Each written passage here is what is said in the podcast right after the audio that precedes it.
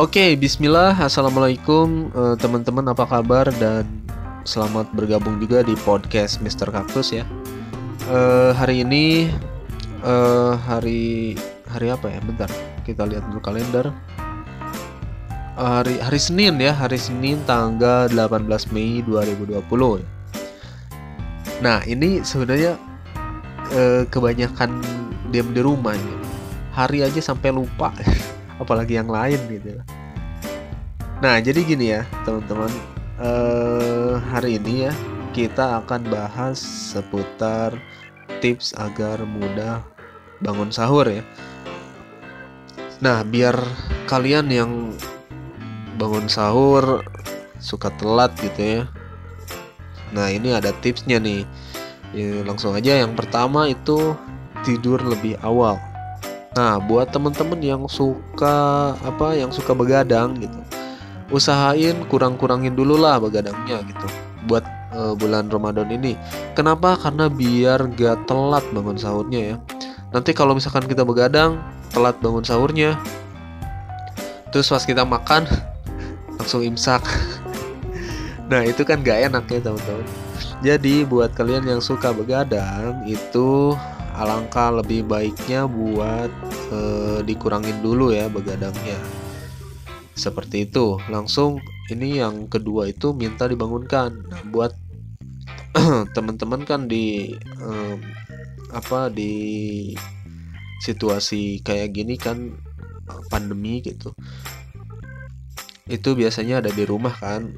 Nah kalau misalkan ada di rumah kita bisa minta dibangunkan ya oleh orang lain gitu. Entah itu orang tua atau uh, kakak adik atau apa gitu ya. Yang penting kita bangunkan. Nah buat yang kejebak di kosan nih kayak teman-teman mahasiswa nggak bisa pulang nah kita minta bangunkannya ke yang punya kosan boleh tuh. Terus minta dibangunkan ke siapa ke temen? Lewat telepon gitu di telepon telepon biar gak telat gitu bangunnya. Nah yang ketiga ini sebenarnya eh, apa alat yang klasik gitu ya. Setiap orang juga pasti gunain ini buat ngebangunin sahur eh ngebangunin sahur ngebangunin tidur gitu. Eh yaitu menyalakan alarm ya.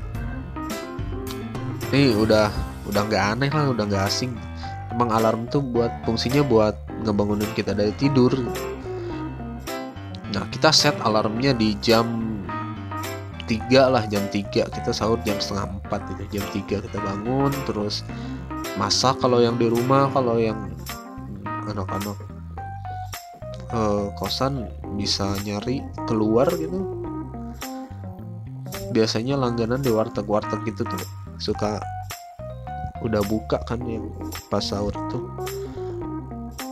Seperti itu. Itu yang ke berapa? Yang ketiga ya tadi.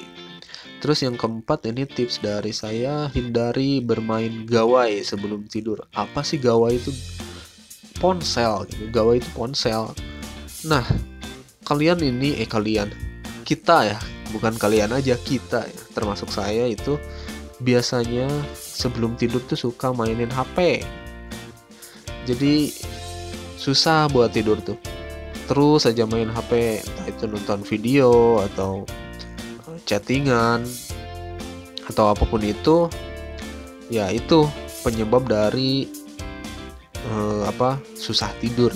Bukan susah tidur uh, ya masuknya begadang sih susah tidur ya benar. Nah seperti itu. Nah lalu uh, yang kelima nih ada lagi ya. Tips kelima itu yaitu menghindari makanan dan minuman berkafein. Nah buat kalian yang suka ngopi atau teh manis sih sebenarnya juga ada kafeinnya.